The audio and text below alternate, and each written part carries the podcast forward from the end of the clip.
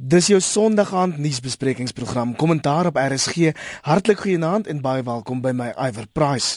Ons kookus ouer gewoonte oor die vernaamste nuusgebeure en vanaand doen ons dit met Theo Venter van die Noordwes Universiteit en ook die Sunday Times se parlementêre biroof Jan Jan Jubber.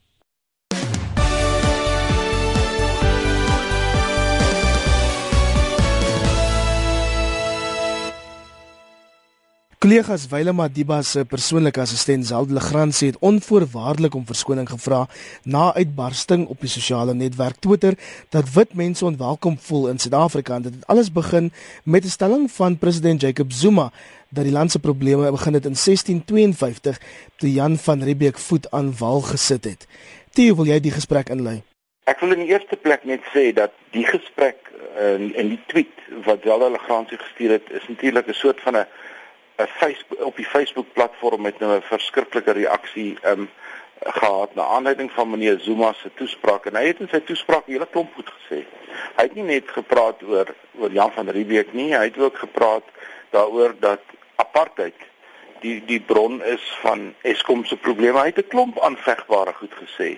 En my my siening van so 'n soort toespraak is dat dit word gewoonlik die mense vir die konteks sien van die toespraak. Dit word gewoonlik voor 'n groep ondersteuners gehou, die tipiese ANC bymekaar kom plek en hy praat vir daardie ondersteuners. Nou dit gee hom nie die reg om 'n klomp bog kwyt te raak nie. Maar 'n mens moet baie keer daarom ook net 'n bietjie konteks kry oor wanneer 'n politikus wat sê. Hulle praat vir verskillende gehore. En uh, ek dink dit is 'n totale um oordrywing wat hier gebeur het met met die opmerking wat um Zelda Legrandsie gemaak het. Afriforum sê dit elke dag. Die Vryheidsfront sê dit elke derde dag. Um ek weet van 'n klomp instansies wat dieselfde soort beskuldiging teenoor meneer Zuma maak en daar's nooit um 'n uitbarsting nie. Waarskynlik is dit omdat um soveel mense soveel respek het vir die posisie wat Zelda Legrandsie gehad het en dat hulle so 'n soort reaksie nie van haar verwag het nie. En Zalda van Riebeeck, soos intussen haar Twitter naam verander het, het onder andere ook gesê as sy 'n wit belegger in Suid-Afrika was, sou sy min of meer nou al die land verlaat en dis vir haar duidelik van meneer Zuma se uitsprake dat wit mense nie meer nodig is in Suid-Afrika nie, Jan Jan. Ja, ek dink ons almal maak soms foute en Zelda het gister 'n fout gemaak. Jy weet, die land is vol uitdagings en die land se mense moet saamleef. En ek dink almal van president Zuma tot Zelda tot elkeen van ons drie tot wie ook al moet wag voor hulle mond sit en dink voor hulle praat. Dit is ook wat Zelda op die ou end gesê het. Ek stem saam met Theo dat um, die verskil tussen Zelda, die Vryheidsfront en die Afriforum en dis maar die essensie van nuus is dat Zelda se standpunt was 'n onverwagse een. Ek dink dit het swart mense geweldig geskok nie dat sy teen uh, president Zuma se stellings ook oor meneer F.W. de Klerk wat ons land waarskynlik van burgeroorlog gered het. Um as, as die ANC stellings daaroor het ook ter sprake gekom. Ja. Um waar hulle die ANC in Kaapstad wat regtig 'n verlore stryd stry, is nou ook daarteen dat die Tafelbaai Boulevard wat hier van Belwel af in die stad inloop, um na meneer de Klerk vernoem word. Maar daar's met ander woorde 'n klomp goed en 'n mens kan altyd 'n klomp redes vind om 'n dom ding te sê, maar Zelda het 'n dom ding gesê gister in 'n hele paar daarvan en sy het hulle nou teruggetrek. My gunsteling opmerking was die EFF se opmerking om te sê almal moet maar ruimte gegee word om soms stoom af te blaas en dan tot besinning te kom. Dit was my dit was my gunsteling geweest. Hy word daar se hele klomp sulke debatte gewees die laaste week. Daar was dieselfde week natuurlik ook die openbare debat tussen Max de Pre wat 'n kolom skrywer in die in die Independent groep was en die ehm um, uitvoerende redakteur Karima Brown. Max het bedank uh omdat hy uh, gekla het um, een dat die koerant 'n verskoning aangebied het vir sy um, vir sy opiniestuk. En Karima Brown het gereageer in 'n brief waar sy sê maar um, die feit dat sy uh, ANC tere aangehaat het en sulke dinge is daarom nou nie 'n rede vir Max gewees om te bedank nie. En so het hierdie openbare debat uiteindelik bygedra tot die gesprek oor ehm um, oor die oor die tweet van Zelda Legrandsie en in 'n sekere sin Jan Jan het dit ook te doen met die met die met die straatnaamverandering in die Kaap. Dit is hier's 'n hele groot gesprek in Suid-Afrika aan die gang op die oomblik wat op verskillende platforms plaasvind. As ons daai gesprek net vir 'n oomblik kan fokus rondom die polemiek tussen Max de Pre en die Independent Koerante groep Jan Jan en hy het onder andere gesê in sy bedanking hy voel besmet deur sy verbintenis met die Independent groep oor sy blinde lojaliteit aan die ANC. Kyk, die Independent groep het groot veranderings ondergaan. Um in Suid-Afrika kry 'n mens 'n paar groot koerantgroepe. Jy kry die groep waar wie ek werk wat Times Media Limited is. Jy kry Media 24 wat ek dink ons luisteraars goed ken. Jy ken die jy kry die Independent groep. Nou die Independent groep publiseer meeste van die Engelse dagblaaie soos byvoorbeeld die Cape Times, soos die Star, soos die Daily News en die Mercury in Durban ensovoort. Nou hulle politieke oorkoepelende redakteur Karima Brown het um verlede Saterdag met die ANC se 103de verjaardagviering in Kaapstad waar hom wragtig vir ons baie nuus gegee het. Um besluit dis heeltemal in die hak as sy en haar soos wat uh, ons in die politieke journalistiek ken as haar Siamese tweeling Vogani Mde, die twee is nooit baie ver van mekaar nie. Het albei gedink is in die hak om ANC klere so toe aan te trek, sulke geel ANC T-hemde en sulke ANC pette. En dit speel natuurlik in op die hele persepsie van Wanneer is 'n joernalis, wanneer moet 'n joernalis objektief oorkom? Wanneer is 'n joernalis darm jy weet toegelaat om 'n mening te hê? Joernaliste stem, jy weet. So joernaliste het menings, maar moet dit deurskemer in hulle skryfwerk en jy weet partytetiese voorkeure en daardie tipe ding. Um en Max de Prese punt was dat die independent groep onder die um eienaarskap van Dr. Iqbal Survey wat dit onlangs gekoop het, so gedienstig raak aan die ANC dat hy nie meer daarmee geassosieer wil word nie. En ek dink waaroor dit gaan hier is 'n hele geskiedenis van Max de Pre en baie van ons ken sy geskiedenis. Hy is 'n vrydenkende mens en hy wil nie voorgeskryf word vir wie om te ondersteun nie. En wanneer die politieke redakteur en um die die persoon wat verantwoordelik is vir die diepte verslaggewing in die koerante en dis Bogani Mdese werk sê kyk ouens, ons is ANC. Dan sê jy nee wat? Dis nie dat ek noodwendig pro of anti die ANC is nie, maar ek wil nie voorgeskryf word nie en dis waar dit waaroor Max se bedanking gegaan het en die independent groep het na Max se rubriek ook 'n verskoning aan die presidentsie aangebied. Ja, Max het in sy rubriek, okay, um, dit het gebeur voordat um voordat die hele Vogani Mde en um Karima Brown insident gebeur het, maar die aanloop daartoe was gewees dat in Desember het Max de Pre 'n rubriek geskryf waarin hy baie krities was op president Zuma en die, die wrecking die wrecking ball artikel. Ja, dit uh, hy het daarna verwys as Zuma's wrecking ball. Met ander woorde, wat 'n ramp eintlik en wat 'n vernietigende amper soos vuurbal um president Zuma geword het as jy daai Bybelse verwysing wil maak. Um en die independent groep het toe 'n verklaring uitgereik waarin hulle verskoning gevra het daarvoor. Nou wat my aanbetref is dit sommer onsin. Ek meen as jy 'n rubriekskrywer het, die punt van 'n rubriek en ek dink baie mense verstaan dit nie. Ek onthou dit uit die dae toe ek rapportrubrieke geskryf het. Dan sê die mense, jy's nie objektief nie. 'n Rubriek is nie veronderstel om objektief te wees nie. 'n Rubriek is anders as nuusverslaggewing, is 'n standpuntinname. En in Max se geval in daardie rubriek het hy niks gesê wat wat wat nie feitelik korrek is nie. Ek meen as jy wil 'n rubriek skryf oor die foute wat president Zuma gemaak het, het jy min of meer 'n telefoongids nodig om dit alles klaar te kry. Nou die interessante ding wat ek gelees het vandag, ek dink dit was 'n rapport. Hierse bladsy 3 of 4 daar rond het hulle gegaan en gesê wat kan 'n mens oor president Zuma sê en wat kan jy nie oor hom sê nie. En toe het hulle nou al hierdie aspekte waaroor ons nou praat, so 'n bietjie elke ene afsonderlik gaan uitpak. Ehm um, kan jy sê hy's 'n leenaar, kan jy sê hy's 'n bedrieger, kan jy dit sê, kan jy dat sê? Dit's baie interessante stukkie om net na te gaan kyk. Nou die punt hier was dat Max het gesê Ek het niks geskryf wat nie waar was nie. En as julle nie vir my my rubriekruimte kan gee om my interpretasie van die waarheid wat ek kan verdedig te skryf nie, dan wil ek eintlik niks meer met julle te doen hê nie want julle is nou te gedienstig aan die ANC. Dis die lank en die kort van die stryd tussen Max en die Independent groep. Theo, as ons die gesprek bietjie verder kan vat en kan raak aan 'n punt wat Janjan gemaak het oor joernaliste en politieke lojaliteite. Waar trek mense die streep? Behoort joernaliste op hulle private sosiale media blaaie ANC klere en kleure aan te trek soos ehm um, Karima Brown hulle gedoen het? Miskien is ek van 'n ou skool, maar ek glo dat 'n joernalis en 'n predikant en 'n onderwyser en 'n staatsamptenaar en daar's 'n hele klomp van hulle behoort die die die volwassenheid te hê en die oorleg te hê, die insig te hê dat elke een van hulle het 'n politieke oortuiging. Dit is en jy's geregtig op jou politieke oortuiging, maar om jou werk professioneel te doen en om jou koerant se se mas te dra en om jou kerk se se se storie uit die uit die koerante uit te hou, gaan jy in die openbaar wegskram van sulke ek wil amper sê oorverte assosiasie met 'n politieke party. Uh, as dit almal kan aanvoel dat as 'n predikant met 'n blou DA T-shirt op die kansel klim, gaan daar chaos wees.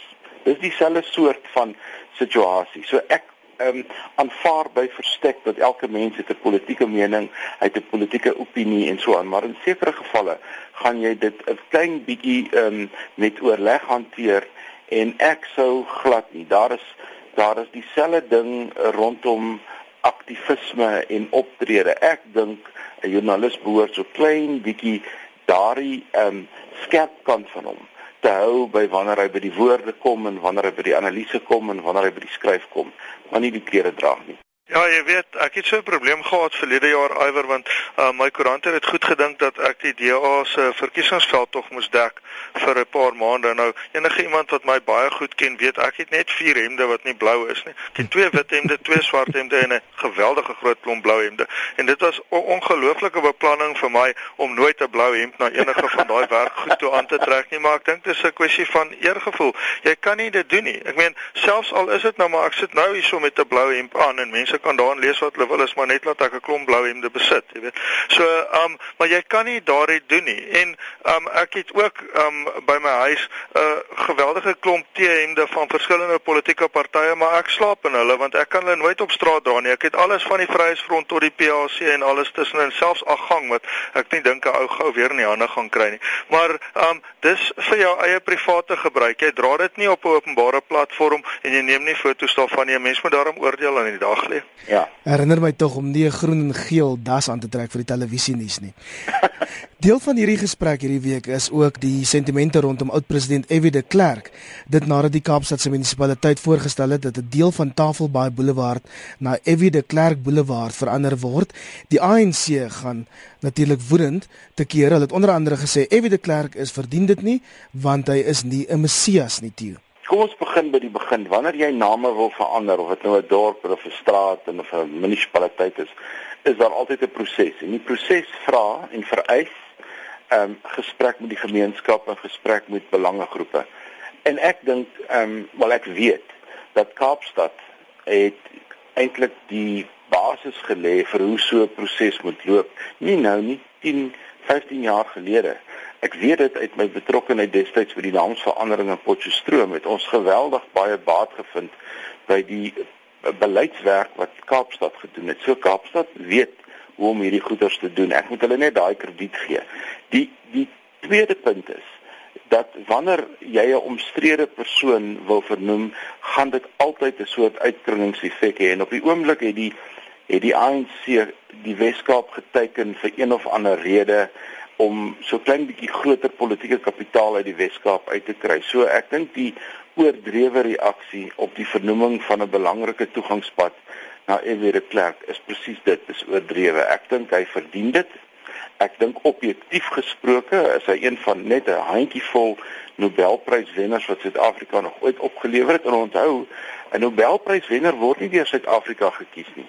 Dit word deur 'n deur baie groot wêreldwye opinie gekies en dit is 'n dit is 'n dis 'n toekenning wat 'n status aan het wat a, ek glo nie die gewone Suid-Afrikaner besef hoe groot is die status van 'n Nobelprys buite Suid-Afrika en dan wil ek 'n laaste ding sê dit is vir my soms verrassend oor hoe populêr Ewie de Klerk buite Suid-Afrika. Dis binne Suid-Afrika waar hy sy probleme het. Ek dink Kaapstad moet gewoon aangaan met hulle besluit en en en de Klerk verdien daai soort erkenning. Ek was natuurlik beïndruk deur meneer de Klerk se reaksie. Ehm um, sy persverklaring waar hy sê hy glo in beginsel nie dat mense wat nog lewe enigiets na hulle vernoem word nie, maar aanvaar die toekenning ook omdat soveel ander mense hom gehelp het met die suksesvolle oorgang na demokrasie Jan Jan. Ja, um, ek wil dit op die tafel sodat ek heeltemal ten gunste is daarvan dat die uh, pad na hom vernoem word en dat ek dink die ANC se in Kaapstad se um se standpunt is as dit nie skynheilig is nie dan in elk geval nie konsekwent nie want ehm um, jy sien ons twee groot toegangsroetes na Kaapstad en almal weet dit die N1 en die N2 maklik om te onthou. Die N2 se naam is die Nelson Mandela Boulevard nou al vir 'n paar jaar en dit is gedoen terwyl meneer Mandela geleef is, geleef het deur 'n uh, eenparige besluit van die staatsraad. Ek weet nie waar kom die ANC aan hierdie standpunt nie. Um die om die N1 wat deur Belwel Goodwood Parow loop gebied wat in 1992 met 85% gestem het dat daar demokrasie in hierdie land moet kom in referendumgebied onder leiding van meneer de Klerk maak vir my sin. Die PAC leier Robert Sobukwe is vernoem in Modderdamweg wat nou Robert Sobukwe weg is. Vandag is uh, die naam van Vanguard Rylaan verander na Jakes Gerwel Rylaan. In Kaapstad is daar stadige en baie verteenwoordigende prosesse aan die gang om die straatname te verander na mense wat oor 'n wye spektrum in Suid-Afrika gehelp het om hierdie land beter te maak. Ek kan nie dink dat wanneer mense terugdink op die aan die geskiedenis en aan die keuses wat meneer de Klerk gehad het teen Februarie 1990, toe dit wel waar was dat die wêreldmening teen ons was en natuurlik sou dit rampspoedig gewees het om dit nie te doen nie. Maar as jy kyk in die wêreldgeskiedenis na Frankryk se keuses in Algerië byvoorbeeld, wat die opsie was wat ons basies gehad het van bloedvergieting ensovoorts, dan sê ek alle eer aan F.W. de Klerk en hierdie inwoner van Kaapstad steun die staatsraad se besluit volkome. Ek seker dit sal deurgaan. Die DA het in elk geval 'n reuse meerderheid in die staatsraad van Kaapstad, so dit sal gaan en die ANC moet maar kyk. Jy weet as daar genoeg mense is wat ontevrede is daaroor, sal hulle seker stemme kry, maar soos ek Kaapstad ken, maak hulle hulle volgende fout. As ons gedaan beweeg tot die opening van die parlement en ons het hierdie week heelwat heelwat standpunte gesien van verskeie politieke partye waaronder die ANC, die DA en die EFF nadat die EFF gedreig het om meneer Zuma se toespraak te ontwrig. Al hoe meer vra ook oor die rol van president Zuma toe. Dit gaan 'n baie interessante staatsrede wees, ehm um, so oor 'n week of twee. En uh, ek dink uh, nou al reeds ehm um, wonder ek of daar nog plek is vir iemand om dit by te woon. Jan Janle is nog gelukkig want hulle kry by verstekplekke, maar as jy nou 'n belangstellende Suid-Afrikaner is om hierdie vertoning te gaan bywoon, dan uh, en jy weet nog altyd probeer die ANC ehm um, opgewondenheid en entoesiasme wek vir die staatsrede dat dit tot die tyd al verander dat dit later in die aand is en so meer en so meer. Ek dink hierdie jaar hoef hulle niks te doen nie. Die die die rede bemark homself. Maar kom ons uh, vra net 'n bietjie af oor die EFF. Ek wil teruggaan vir 'n oomblik en sê as 'n as 'n mens 'n effektiewe strategie het en dit dit kom nou uit die teorie van die ontwikkeling van strategie dan moet jou strategie een baie duidelike dimensie hê en dit moet wees dat jou jou strategie wat wat in Engels genoem word it must have credibility. Met credibility met kredietwaardigheid word daar bedoel dat as jy sê jy gaan 'n ding doen maar jy het dit nog nooit gedemonstreer nie dan bly jou strategie altyd 'n soort bedreiging of 'n soort wens of 'n soort van 'n behoefte wat jy het. Maar as jy al een of twee keer gedemonstreer het wat jy doen, dan kry jou strategie heeltemal 'n ander kleur. 'n Eenvoudige voorbeeld. 'n Ma by die huis kan dreig om die kind pak te gee vir dae lank. En dan eendag dan dan druk die kind haar verby 'n sekere punt en dan kry hy 'n pak slaag. Vir die volgende 3 weke gaan daai kind wonder as sy ma hom weer waarsku, gaan sy slaan of gaan sy nie slaan nie. Dis in breë trekke wat bedoel word met 'n kredietwaardige strategie. En op 'n manier het die EFF dit reg gekry sonder dink dat ek dink hulle dit gaan sit en teoretiseer dit of gaan uitwerk het. As hulle dit sê dat hulle gaan die staatsrede ontwrig, dan dink almal Oh, goed so, dit is dalk moontlik. Dit is dalk net moontlik. As enige ander politieke party dit sê, dan gaan die mense sê, "Ag, ja, miskien dalk, dalk het hulle nie die moed nie, het hulle die die moed vir hulle oortuiging." So ek dink die EFF het met hulle optrede verlede jaar en dit gaan bloot net oor die oor die strategie. Dit gaan nie oor die etiek en is dit reg of verkeerd nie. Ek dink net hulle hoef op hierdie stadium niks te doen nie, die EFF en almal gaan sit en bekommerd wees totdat meneer Zuma begin praat. En dan het die ANC se tesourier-generaal Willem Mkhize ook gister gesê ANC-lede moet die parlement beskerm teen moontlike ontwrigting deur die EFF en ek is nie seker wat hy bedoel het met daai woord beskerm nie Jan Jan. Ja, ek ook nie. Ek moet sê, wat moet hulle nou doen? Jy weet, um hier sal klaar so baie polisie, jy kan skaars hier inkom. Maar um wat die staatsrede betref, ek stem saam met Theo dat die EFF het in 'n groot mate die inisiatief oorgeneem omdat hulle 'n werklikware oppositie vorm teen die ANC. En daar kan nou vreeslik oë gerol en en um tonge geklik word in verband met hoekom hulle dit doen en hoe hulle dit doen ensovoorts. Maar ek is so bly dat hulle dit doen want nou sit jy in 'n situasie waar ons laaste president in die parlement gehad het waar hy enigiets gedoen het op die 21ste Augustus verlede jaar. En ek wil tog um, ons luisteraars net terugneem na wat daar gebeur het aan die einde. Ons kan almal onthou wat het gebeur aan die begin toe die EFF dit ontwrig het. Maar Aan die einde van daardie verrigtinge het die spreker, Baleka Mbeki, gesê sy gaan in onmiddellike onderhandelinge in met die presidentskap om uit te vind wanneer kan president Zuma nou die vrae beantwoord wat hy onbeantwoord gelaat het op daardie dag. Dis nou byna 6 maande later. Enige iemand wat glo dat tussen die parlement en die presidentskap wat albei die mag het om die parlement te laat byeenroep hulle nie eendag kon kry in die afgelope 6 maande. Wat sou werk nie? Ag asseblief man. Wat volgende? Glo ons in Kersvader? So ek is bly iemand hou die president verantwoordbaar, want dit is nie sy voorreg om hiernatoe te kom nie. Dit is sy plig. Dis sy ja, grondwetlike plig. Sy grondwetlike plig. So ek sê reg vir die EFF. Um En ek dink die ander oppositiepartye moet regtig waar hand in eie boesem steek en sê is ons besig om te opponeer soos ons moet in terme van die grondwet. Want um ek dink ek dink almal gaan na die staatsrede kyk om te kyk wat die EFF doen. En die EFF anders as party ander partye is nie besig om net onsin te praat nie. Hulle hulle gaan die man verantwoordbaar hou.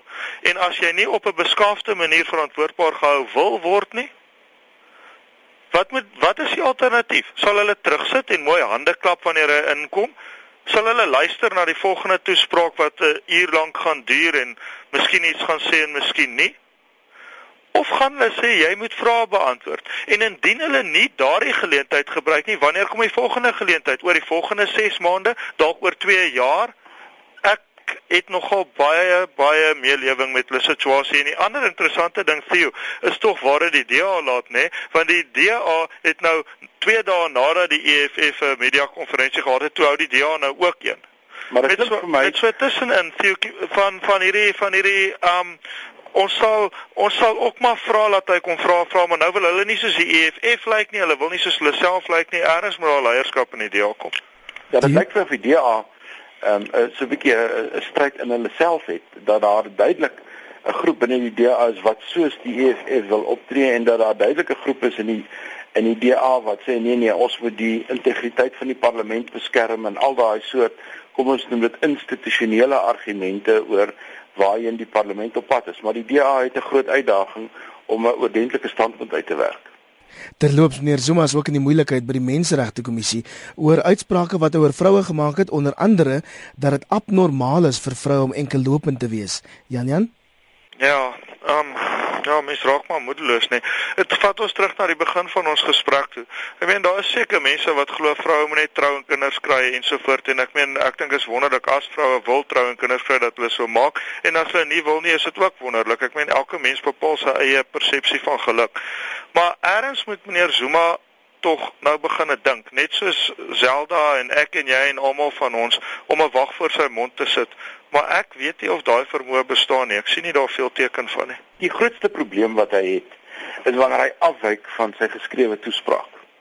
En hy praat uit sy hart uit, dan kom die werklike Jakob Zuma na vore.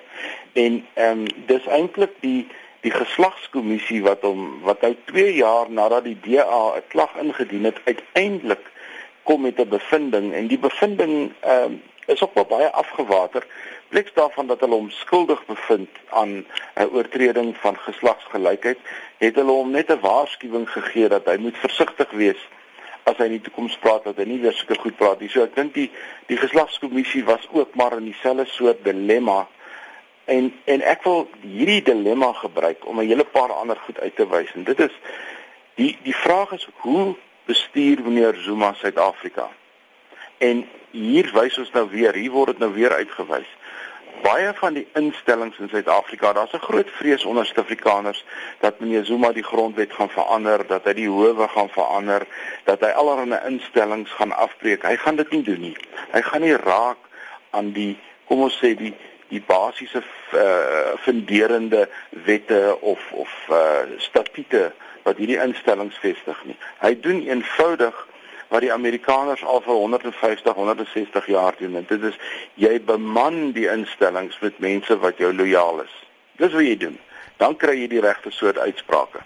Janine, as ons die gesprek bietjie kan koppel oor die stand van die ANC, nog 'n ontstellende hoofberig vandag in die Sunday Times oor 'n vieslike geveg tussen Umkhonto we Sizwe, die militêre vereniging en dan van die jeugliga lede. Ja, die um verhaal wat op ons voorblad is vandag dis 'n verstommende verhaal. Um van die Gautengse lede van die ANC het met die trein teruggery na verlede naweek se opspraakwekkende uh, besoek aan die Kaap vir hierdie groot verjaardagviering. En um omtrent so en terug toe toe moet hulle nou kos kry en daar was kospakkies gewees en toe begin die mense van die Umkhonto we Sizwe uh, veterane vereniging om die gratis kospakkies te verkoop teen R5 een. Nou R5 mag nie vir baie mense nou baie klink nie tot jy dit nie het nie en baie van daai mense het dit nie gehad nie. So van die ou mense raak toe honger en van die jong mense raak moeilik en op die ou end toe begin die jong mense um beswaar aanteken dat die ou mense honger raak en toe hulle so min of meer by Kimberley kom, toe begin die MK veterane nou nog moeiliker raak en die een sit sommer sulke kettinge om sy hand en hulle begin die mense slaan en martel en te kere gaan. So ek weet nie of daai uh, verjaarsdagviering baie goed geëindig het nie. Nou dit lyk of daar 'n redelike mate van van um, meningsverskille is oor presies wat gebeur het, maar ons staan by ons feite. En uh, ek dink dit wys weer eens dat die ANC het regtig groot uitdagings en dat daar nie sterk genoeg morele leierskap uitgaan binne die organisasie en ook buite die organisasie van binne die organisasie byvoorbeeld deur die regering in verband met wat aanvaarbare gedrag is. Nie so ek stem saam met jou Iwer dat jy dit kan koppel. Maar terwyl ons so beswaar aanteken dink ek tog daar's twee belangrike goed om oor die Zuma regering te sê. Die eerste is dat hierdie openbare debat in ons land is daarom al vir jou lewendig hoor. Um, ek dink op min plekke in die wêreld gaan jy 'n uh, samelewing kry wat sterker staan wanneer die regering foute maak. En dan moet ons twee goed sê wat president Zuma daarom baie goed gedoen het in sy be, um in sy bewind. En jy weet, dis goed wat ek maar die week aan gedink het toe ek bietjie swaarmoedig geraak het. Die eerste is hierdie die die manier waarop die regering vigs hanteer wat um regtig waar beteken dat daar baie minder van ons mense doodgaan. En die tweede is dat um ons daarom nou in 'n situasie is waar daar minder van 'n rasmotief in die hele uh, openbare debat is as onder president Thabo Mbeki minstens van die regering kant af. So ek wou net daai twee positiewe goed op die tafel sit want jette ons is vandag almal opgestuur. Ek stem met jou saam oor die vigs. Maar ek ek dink die rasdebat is stadig besig om weer die soort van van 'n uh, 'n uh, aktiewe gesprekspunt te word in die openbare media en as ons veral verwys na Zelda se se tweet vroeër en so meer as in die dae van meneer Mbeki. So jy's jy's jy's jy's reg, maar ek het 'n idee dat ehm um, die die ras ding is net een van daai goed wat in Suid-Afrika waarskynlik nooit nooit gaan lê nie. En ek kyk nou na 'n hele paar debatte op ehm um, veral op Facebook en ehm um, ras speel 'n vername rol in meeste van hierdie debatte. Dit is eintlik skokkend. En twee ander goed wat mense ook behoorlik aan opwerk is Eskom en dan die situasie rondom Etol hier in Gauteng. Hierdie instansies het al twee hier van dese week um, nogal groot perskonferensies gehou. Tio? Ek was baie jammer vir die um, hoofuitvoerende beampte van Eskom toe hy sy perskonferensie aangebied het. Dit was duidelik dat hy baie op sy senuwees was. Hy was kort asem. Hy was onder baie groot druk, maar die belangrikste van wat hy gesê het, as jy dit nou moet vergelyk met wat die president van tevore gesê het, hy het duidelik gesê dat Eskom bely dat hulle hulle eie reël ten opsigte van instandhouding oortree het en dis nou waar hulle nou sit en dat hulle op stadiums en hy vat dit so ver terug as 2010 met die sokker wêreldbeker eintlik alles in die stryd gewerp het om nie beerdkrag te kry nie en dat ons eintlik vandag die prys daarvoor betaal. En dan het hy 'n tweede ding gesê wat ek dink Suid-Afrikaners baie ernstig moet moet opneem. Hy het gesê dit gaan ongeveer 10 jaar neem om uit hierdie siklus uit te kom waarna ons nou is wat beteken dat ons kragvoorsiening gaan onstabiel bly vir minstens van nou af tot in 2025. Daar gaan periodes wees waar dit beter word, maar dit gaan onstabiel bly en en nou daarby wil ek nou 'n tweede ding voeg. Wanneer jy so 'n situasie kry soos wat ons met ons kragvoorsiening het, En net soos wat ons met 'n paar ander probleme ook al gehad het, dan kom daar uit die gemeenskap uit, uit die tegnologiese wêreld, uit die innoveerders, kom daar oplossings. Dis nooit dat die wêreld net sit en wag en sê o, gats, wat nou? Ehm um, ons sien 'n geweldige toename in die oprigting van sonplase. Sonplase op verskillende maniere. Party is gekonsentreerde sonkrag en ander is fotovoltaïes. Ons sien toegang en en toenemende fokus op hidroopwekking en dies meer. Ek dink ons gaan 'n kragopwekkingsrevolusie sien in die volgende 4-5 jaar omdat mense besef ons kan nie meer alleen op Eskom ehm um, staat maak nie. Ehm um, Janjan, wil jy kommentaar lewer spesifiek oor die etol storie? Ja, ehm um, die Gautengse regering het nou uiteindelik sy verslag bekend gestel oor etol en die arme nasionale regering sit nou met 'n verslag wat 60 alternatiewe gee oor hoe hulle die probleem kan oplos en geen een van hulle uitlig as wat die Gautengse regering wil hê nie. Van daai is nogal uh, vermaaklik insluitende dat al die uh, tolhekke binne Gauteng moet geskuif word na die grense van Gauteng sodat die van ons wat nou in daai provinsie moet inry, um betaal eerder as die mense wat in die provinsie bly. Nou as 'n ou federalis is ek nogal heeltemal ten gunste daarvan moet ek sê. Maar um daar's 'n klomp uh, voor um voorstelle maar eintlik is dit 'n wenslys en van die goed is teenstrydig. En ek dink die premier van Gauteng wat wat 'n baie goeie politikus is, David Makura oor die algemeen, het hierdie keer nogal die toets gedop in dat hy nie behoorlike voorkeure um uitgespreek het nie. So eintlik is ons waar ons was. Wat die regering nou het is die ANC in Gauteng so uh, bekommerd as wat hy is dat hy mag gaan verloor in van die metro's uh, volgende jaar in die munisipale verkiesing, het nou gesê ons hou nie van etol nie. Maar hulle het nie eintlik met 'n idee voor in dag gekom, 'n regte idee van wat om te doen nie. So die nasionale regering is nou besig om die kwessie te bespreek. Ek het gepraat met die nasionale departement van vervoer se mense Vrydag en die minister van vervoer die Paul Pieters het 'n uh, vergadering aangevra vir die komende week. Hulle het die berig van my nie gebruik nie, maar ek is heel gemaklik om dit te sê. Um met Cyril Ramaphosa die adjunk president wat uh, verantwoordelik is om die hele etol probleem op te los soos hy blykbaar deesdae alle probleme moet oplos. En ek dink ons behoort voor die staatsrede op die 12de Februarie groter uitsluitsel te hê want hulle wil dit nie in die staatsrede sit nie oor wat die sentrale regering dink oor etol. Nee, ek dink dit is 'n baie belangrike punt dat hulle hierdie besluit moet neem want die die dit is al van tevore ook gesê die besluit oor etol of dit gaan bly en of dit gaan ry is so groot dat dit 'n effek gaan hê op Suid-Afrika se kredietwaardigheid en ons ekonomie is op hierdie stadium in 'n in 'n brose toestand. Ehm um, ek dink ehm um, die eenvoudige besluit dat etol moet verdwyn gaan 'n ongelooflike negatiewe impak hê, maar ek dink die politieke konsekwensies vir die ANC weeg op hierdie stadium waarskynlik net so swaar. Die tyd is besig om ons in te haal Jan Jan maar ek wil hê ons moet vinnig praat oor nog 'n berig op die Sunday Times voorblad. Daai amper se realiteitseepie is soos die Kardashians. Um, behalwe dis die Mandelas en Winnie Mandela wat in die moeilikheid is, moontlike bedrogklagtes. Ja, dit lyk of die res van die Mandela familie, die deel wat meer lojaal is aan Mandla Mandela, ehm um, gaan nou bedrogklagtes teen haar indien rondom ehm um, 'n verklaring wat ingedien is van haar kant af, nie deur haar nie, maar deur iemand wat haar standpunt ondersteun het. Kyk, waaroor dit gaan is die besit van die Mandela huis by Kuno in die Transkei. En ehm um, sy beweer die huis kom haar toe. Dis 'n baie gekompliseerde argument. Ehm um, terwyl meneer Mandela dit nie aan haar nagelaat nie. Toe het sy gevra althans toe sou die Mandela familie 'n vergadering hou om dit nou te besleg en sy het gevra dat die um, vergadering uitgestel word. Sy sit seker maar met 'n minderheid daar is al hoekom jy so 'n versoek sal rig.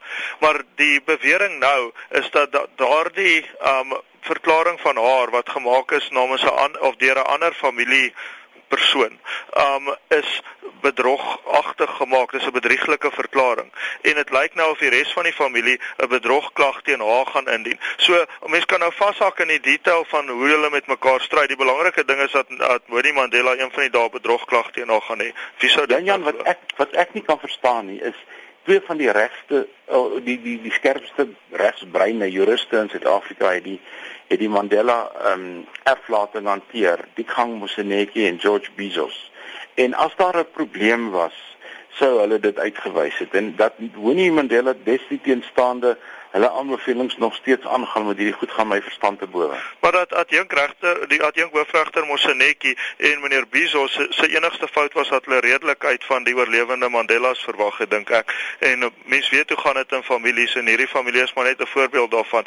Baie mense glo dat geld hulle toekom nadat iemand oorlede is en ek dink is maar 'n les vir ons almal om vrede in ons families te probeer bewaar en te onthou dat geen erfgeld jou ooit toekom nie. Kollegas, dis ongelukkig alwaar vir 'n tyd het vanaand op kommentaar op daai vredesame noot. Baie dankie aan die Sunday Times se parlementêre birou of Jan Jan Jubber, Nancy Jan Jan. Dankie, Iver, dit was lekker. En ook Theo Venter van die Noordwes Universiteit. Goeienaand almal.